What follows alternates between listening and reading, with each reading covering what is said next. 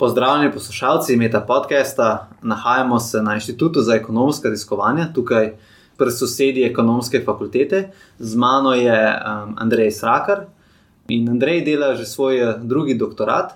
Kaj si po osnovni izobrazbi? Uh, jaz imam v bistvu eno tako zelo ovinkarsko zgodbo. V srednji šoli sem bil matematik, trikrat državni prvak na olimpijadi, v prvi slovenski uh, ekipi na olimpijadah v Istanbulu. Potem sem pravzaprav zavil na um, fakulteto za družbene vede, do diplomski študij dokončal kulturologijo, se pravi nekaj skrajno skregano, bi rekel, pravzaprav s tem, magistrski študij iz managementa, uh, tudi na fakulteti za družbene vede, in potem vedno bolj povratek, spet v, bi rekel, matematične oziroma podobne vode, doktorat dokončal iz ekonomije, vmes eno leto bil na. Fulbrightovi štipendiji v ZDA in potem zdaj upisal drugi doktorat iz matematike oziroma matematične statistike. Kaj pa je bil tvoj prvi doktorat? Prvi doktorat je ekonomija. Prej si delal iz ekonomije, zdaj pa z matematično Tako, statistiko. tako, tako, Se pravi, potem tudi tvoj mentor iz fakultete za matematiko, za fiziko ali. Mentor je profesor dr. Miroslav Verbič, ki je iz ekonomske fakultete. Ti, recimo, ko si dal zdaj ta um, lok čez od matematike pa družboslova, in potem nekako si se ustavil pri ekonomiji, ki recimo, da združuje orodja in družboslovja in matematike. Uh -huh. Se ti zdi pomembno, da ima dan danes raziskovalec to širino, se pravi, da pozna in družboslovni vidik in, in matematični, koliko ti to recimo pomaga pri takem res širokem področju kot je ekonomija? Zelo. Tudi bom rekel pri matematiki, predvsem bom rekel to, kar opažam, je to, da se mi zdi, da v letih, ko sem bil tudi v umetnosti, seveda kulturi in tako naprej, da sem si neke poti, se pravi neko kreativnost in tako naprej odprl, ki jo imajo umetniki in veliko krat se to opažam, znam na kakšen pogled pogledati z drugimi očmi, kot gledajo kolegi, ki so bolj standardno ekonomisti in zaradi tega mislim saj, da pri kakšnih stvarih lažje naredim nek uh, preskok. Kako to pa, da si se odločil še za en um, doktorat, ti je všeč ta struktura doktorskega dela? Ravno včeraj sem gledal um, en znanec iz pred let, Boris Mihal, ki par, nisem niti vedel, dela že tretji doktorat, nisem niti vedel, da ima prvega, ampak včeraj sem po naključju videl. Skratka, kaj bi rekel, za drugi doktorat sem se odločil uh, iz dveh stvari. Prvi, zanimanje. Potreboval sem več matematike, eh, želel sem si delati, in tako naprej.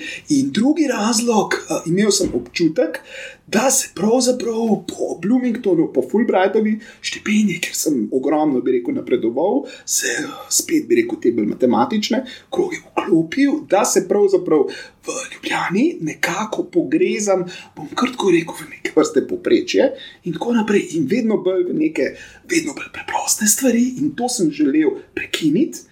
In mislim, da se je tudi pokazalo to za pravilno, ker mislim, da me pravzaprav matematične stvari, tudi statistika in tako naprej odprla res tisti vidik, ki sem ga tukaj potreboval in uh, rabil. Resnično bi rekel tudi v glavi, ostanem na neki frekvenci, ki mi omogoča, da delam neke analize, ki jih mnogi uh, drugi tukaj ne. Se pravi, na temi tvojega doktorata se ukvarjaš um, z, če rečemo najprej po angliško, mogoče za poslušalce, za, za input-output um, analysis, se pravi Tako. za vhodno-izhodno analizo, če nekako poenostavljeno um, prevedemo. ne. Tako. A bi nam lahko mogoče razložil, kaj to sploh pomeni? Input-output analiza je pravzaprav najbolj preprost model splošnega ravnovesja, kjer se preprosto v neko matriko, v neko dvorasežno tabelo zapišejo, bi rekel, transakcije oziroma izmenjave med sektorji. To je osnovni del te matrike, ne? umestni del, včasih pravimo, in potem so tukaj še dva druga dela, tri dele ima, ki sta pa povezani, bi rekel, s končnimi produkti, z izvozom, uvozom in različnimi podobnimi količinami. Ampak te osnovne transakcije, izmenjave med sektorji, so pa v input-output uh, tabeli. Če bi povzel, bi lahko to recimo poenostavljeno razložil, da um, recimo želi občina zgraditi um, most, recimo čez reko, ki, ki vodi čez mesto. in Za to gradnjo mostu bo se pravi, različni sektori bodo potrebovali različne surovine, toliko človek ur dela in tako naprej. In se pravi, bi s to input-output analizo um, analizirala, kakšen vpliv bo imel ta projekt na ekonomijo, recimo samega mesta, koliko novih Tako. delovnih mest se bo ustvarilo, surovin. Točno. Se pravi, iz teh tabel se veliko krat računa ena stvar, ki se reče multiplikator. In multiplikator označuje točno to, kar ste rekli. Se pravi, v bistvu um, učinek nekega um, investicije, uh, ki se razlije po gospodarstvu in se razlije po različnih sektorjih. Se pravi, multiplikator meri učinek na različne sektorje in zato so input-output tabele seveda vir za izračun takšnih uh, učinkov. To je torej bolj makroekonomska Absolutno. analiza. Ja. Um, se to tudi recimo v politiki, kdo je recimo glavni, bi bil glavni naročnik um, neke takšne analize? Tukaj imate zdaj input-output, je sicer zelo okorno orodje. V ekonomiji, kot sem rekel, to je res tisti najbolj primitiven model nekega splošnega ravnovesja, splošnega v smislu tega, da vključuje različne sektorje. Absolutno imate danes tukaj neskončno, mnogo, veliko bolj zapletenih uh, modelov splošnega ravnovesja, CGE, DSGE itd. itd. Ampak, um, se pravi, absolutno ne, um, kot ste rekli, to je model, ki um, omogoča politikom in tako naprej, da ocenjujejo neke učinke, neke investicije, predvsem ga uporabljajo na različnih ministrstvih. Recimo, UMA je dolgo časa tudi um, imel eno veliko specialistko za to področje, Ivanka Zakotnik. Osnovne input-output tabele pa pravzaprav računajo na statističnem uradu in so dostopne ali kot tabele ponudbe in porabe, ki se potem skupaj lahko pretvorijo v to simetrično input-output tabelo, ki je osnova tudi za multiplikatorje in uh, podobno. Kaj pa so slabe strani, oziroma pros in cons, prednosti in slabosti te, te analize, in kje boš ti naredil Ja. korak naprej? Zdaj, um, ne bi šel mogoče prav v vsako podrobnosti, ogromno problemov ima, predvsem, seveda, je to statičen, zelo statičen model, ki ne upošteva ne vem, razlik znotraj porabe, heterogenosti, ki je notri in tako naprej. In zaradi tega, seveda, resnejše analize, kot sem prej rekel, ekonometrične, ne, se pravi, input-output je klasično ni ekonometrični model, ampak bi rekel neka matrika števil iz, um, se pravi, statističnih informacij, ki obstajajo. Ključna stvar, kjer jaz dopolnjujem, jaz se dotika točno tega elementa stohastike. Se pravi, input-output tabela ni ekonometrična, zato ker v bistvu ni stohastična, številke nimajo nekih standardnih napak in tako naprej, ampak so pač neke grobe agregirane številke. In ravno tukaj se ideja te nove input-output analize porodila, čeprav obstajajo stohastični modeli, tudi v ekonometriji, da se s tem delati, so tukaj še velike neroslednosti. In jaz sem pravzaprav se pri doktorskem študiju matematične statistike zelo močno srečal za simbolno analizo podatkov in podobnimi stvarmi. Bom rekel, analizo nestandardnih podatkov, kjer so v celicah lahko zelo različni objekti. Ali so to uh, intervali in distribucije, kot pri simbolni analizi, ali celo funkcije ali vektori, kot pri kompozicijski, celo um, mnogoterosti iz matematike in tako naprej. In um, zamisel je bila, ki se je enkrat porodila na neki poti, neko jutro, čist um, na tak hipni, ta aha moment, ne, v bistvu, da um, zakaj bi bila v celici in podal po tabele, ker je neka groba agregirana številka, zakaj ne bi bila distribucija. Se pravi, vemo, da številka izmenjav med dvema konkretnima sektorja je narejena na podlagi različnih poročil raznih podjetij, pravnih subjektov, in absolutno vsi ti podatki so zbrani in imajo neko statistično porazdelitev. In zakaj, seveda, če se izognemo tej porazdelitvi, izgubimo ogromno informacij in res dobimo zelo okorno orodje, če pa vključimo distribucijo ali pa kakšno drugo element v celico, potem pa seveda zajamemo, bi rekel, bistveno več informacij. In na ta način imamo stohastični moment, ker imamo distribucijo, imamo standardne napake porazdelitev, in na drugi strani se izognemo tej rigidnosti in dobimo veliko več heterogenosti in teh dinamičnih elementov v uh, analizo. In to je pravzaprav ideja. Da se to vključi, seveda se pa potem celotna matematika izjemno spremeni.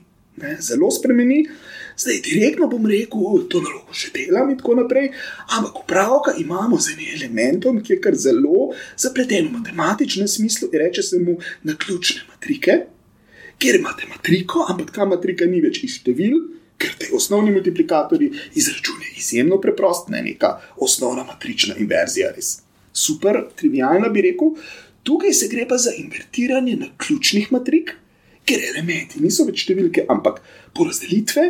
In tukaj pa seveda tudi matematika se izkaže, nima uh, še prav veliko nekih močnih odgovorov. To je področje, ki se še razvija in je izjemno kompleksno, bi rekel, v matematičnem smislu. Tako da tukaj se potem začnejo, ne, bi rekel, zanimive stvari v uh, matematičnem smislu.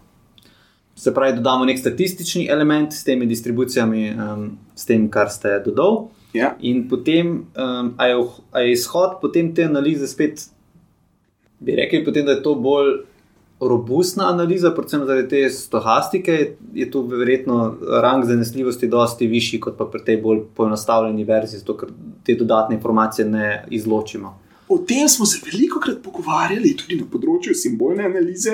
Tukaj sem pravzaprav vključen v neko skupino, ki jo koordinira profesor dr. Vladimir Patakel in točno z Vladom, z Vladimirjem Patakeljem smo se pogovarjali in je izpostavil, da kakorkoli že govorimo o simbolni analizi podatkov in podobnih, manjka neka mera, ki bi pravzaprav res govorila o pridobitvi. Vemo, če si intuitivno, da vključimo več informacij, ni pa tudi na področju kakšne konkretne mere, ki bi res merila to pridobitev. Spravi, koliko več, koliko smo bolj natančni, in tako naprej, intuitivno, absolutno zajamemo več naloga področja, ki je še dosti mlado in se razvija, pa je, da tukaj res vidi, koliko pravzaprav pridobimo v smislu entropije ali pa kakšnih podobnih kazalnikov. V primeru, da bi imeli zgodovinske podatke, bi lahko mogoče primerjali napovedno vrednost po stari metodologiji, pa po novi bi bil to mogoče en. Absolutno. Ja, vse te podatke, itd. so in tako naprej. Absolutno, to bomo videli, ko bomo tudi do končnih rezultatov prišli. Samo tukaj se resnično pojavi problem, ker so že rezultati drugačni. V enem primeru dobite številko, v našem primeru boste dobili distribucijo. In seveda, potem kako pravzaprav primerjati. Ne? Intuitivno vemo, da distribucija zajame več informacij, ampak kako meriti pravzaprav razliko, ki je tukaj bila. To je v bistvu tudi vprašanje. Kakšna urodja uporabljate, da si pomagate? Um grist čez temo. Grist čez temo. Zdaj, tukaj zaenkrat seveda še ni končno. Te stvari, absolutno, tukaj so orodja matematike, analize algebre, vsega tistega, kar pa zajema analiza na ključnih matrik in tako naprej. Um, tukaj so tudi numerične metode, s katerimi kakšne izračune delno poskušamo korigirati. In tukaj so, bom rekel, statistične metode, distribucijske in tako naprej, matematična statistika in verjetnost, s katerimi se pač poskušamo tega problema lotevati. Katera programska urodja pa uporabljate pri svojem delu? V tem primeru je bil uporabljen MATLAB, ki lažje omogoča delo z ključnimi matrikami. Sicer pa zelo veliko delam z R in kot vsake večina ekonomistov z statom. Se vam zdi, da ekonomisti na splošno težava mogoče ekonomiji, da je dosti modelov, recimo, ne vključuje mogoče časovne komponente ali pa so res poenostavljeni in potem predikcija ali neke makroekonomske analize zaradi tega, ne mogoče nimajo takšne napovedne vrednosti, kot bi, kot bi jo lahko imele. Časovna komponenta, zdaj tako je. V um, slovenski ekonomiji, upam, da me ne bo to preveč kritično vzel, je res manjko modeliranja manjkajo kakšne stvari, veliko krat analizah, kar se pa mednarodnega vidika tiče, je pa ekonometrija, ki je ključna, ko govorite o modeliranju.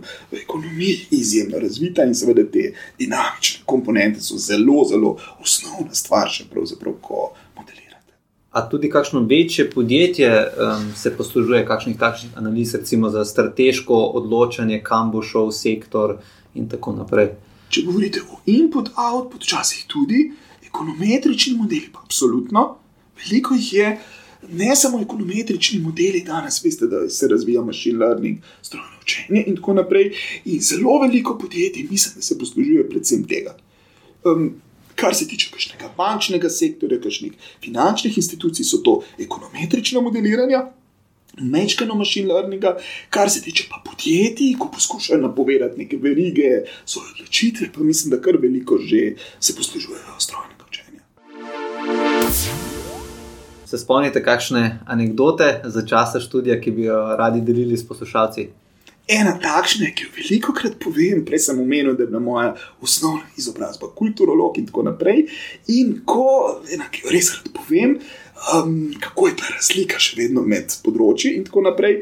Ko sem obiskoval predmet, napredna ekonometrija, smo imeli um, predavatelja Martina Wagnerja, ki je tudi zelo močno v matematični, on je ekonometrik in tako naprej, teoretski ekonometrik. In ko je videl, da zelo močno sledim predavanjem in da se pogovarjam, da veliko tudi kaj popravim, in tako me je vprašal, z katerega področja ste.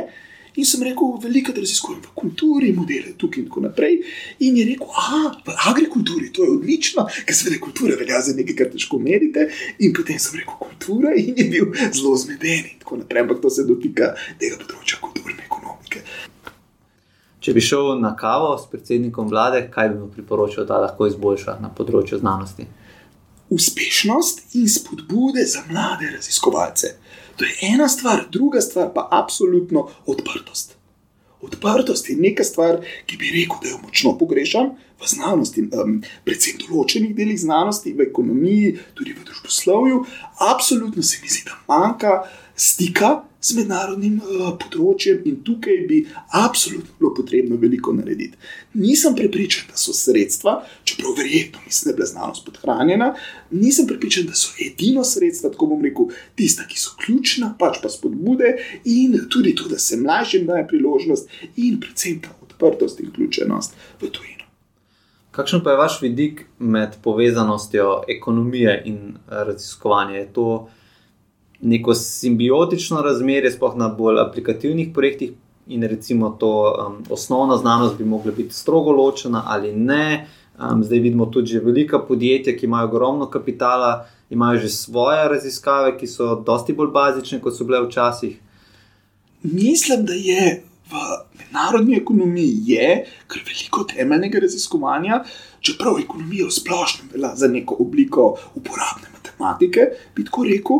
Um, v Sloveniji pa upam se reči tega drastično premalo. Zelo močno je vse usmerjeno v aplikativne študije in temeljne znanosti, bojim se, da tudi tukaj na ekonomski fakulteti in v Sloveniji nasploh je tega premalo tako rekoč, ni ljudi, ki bi se ukvarjali z razvojem novih statističnih, matematičnih, eh, ekonometričnih, če hočete, metod, zelo malo jih je. In tukaj, tako kot govorite, jaz mislim, da bi bilo zelo koristno nekako začeti razmišljati o kakšni ločitvi ekonomije in poslovnih ved. Poslovnih vedah smo odlični, imamo odlične, vrhunske raziskovalce, v ekonomiji. V teoretskem delu, pa bojim se, da večinoma dokaj šepamo, zaostajamo in tukaj bi resnično koristilo razmisliti, kako ekonomijo razviti in mogoče nekako tukaj postaviti jasnejše ločnice. Bi drugim doktorskim študentom predlagal kakšno orodje, programsko metodologijo, ki je tebi um, prihranila čas? Programsko orodje, eh, jaz bi svetoval, da iščejo, programskih urodij je zelo veliko, naj se ne ustavijo pri enem, naj iščejo različna, metodološko pa enako. Jaz mislim, da je zelo pomembno, da se ne zaustavijo pri eni metodologiji, pri enem sklopu. Eh, analiz in tako naprej, ampak da iščejo, danes imate v ekonometriji določene, v statistiki spet še nekaj širše, spet druge stvari, matematika in tako naprej, da so široki in da poskušajo nekako zaobjeti te metodološke stvari v celoti ker to jim bo potem pomagalo, da bodo tudi kakšno rešitev znali pri svojem problemu razviti. Novo. Bi nam zaupal kakšno priporočilo za knjigo, film, spletno stran? Kar se tiče matematike, je name zelo močno, že ko sem bil mlajši, vplivalo branje Franceta Križaniča. Mislim, da nisem edini tega slovenskega matematika preteklosti. Kar se pa sicer tiče v družboslovju, in obrat name je zagotovo naredil Niklas Luman, nemški uh, teoretik socialnih sistemov, sociolog, ki ima tudi nekaj bolj matematične sistemske teorije in tukaj bi zagotovo svetoval njegovo delo sociale sisteme, ki je temeljno za njegove stvari, ki ima marsikaj, bi rekel, zanimivega, kar je zelo slabo še uh, poznano koga bi povabili na večerjo, če ne bi bilo nobenih omejitev? Čisti iskreno povem, ker sem to vaše vprašanje prav absolutno kašno lušno punco, če smo pri tem nekajšnega znanstvenika. Če smo pri znanstvenikih, Ivan Nurdin. Ivan Nurdin je francoski profesor uh, verjetnosti. Ki je um, v zadnjih desetih, petnajstih letih sta z kolegom Giovannijem Pekatijem razvila eno izjemno zanimiv pristop k verjetnosti in asimptotski statistiki, ki združuje Štajnovo metodo iz statistike in Maljavinov račun, Maljavin kalkulus iz matematike. In tukaj izjemno zanimive stvari nastajajo, to je ena novejša metoda. In tudi Ivan Nurdin, ko smo na konferencah, ga predstavlja kot neko tako, hodi za nekimi športnimi, ne vem, fuzbol, dogometnimi dresi. Ne bom rekel, da mi je za to, ampak definitivno mi je zanimiva oseba. Druga oseba je pa čisto iz statistike, matematične statistike, iz Pejsovega dela. To je profesor Robert, Kristjan Robert, ki velja za mogoče celo ključno figuro trenutno v Pejsovi statistiki in piše blog, in tudi sicer izjemno aktiven v znanstveni sredini in tako naprej. In definitivno tudi neka figura, ki jo zelo cenim in bi se z veseljem več pogovarjal z njim. Poslušali ste Meta podcast. To je oddaja, v kateri se pogovarjamo z mladimi znanstveniki in znanstvenicami z različnih področji znanosti. Podcast domuje na spletišču metinalista.si, kjer najdete tudi druge zanimive znanstvene vsebine. Naše delo lahko podprete z donacijo Metini listi. Pohvale, pripombe in predloge lahko posredujete po e-mailu znanost.afna.metinalista.si. Dobrodošli so tudi komentarji na Facebook profilu Metine liste in na Twitterju afna Metina lista, kjer uporabite hashtag MetaPodcast.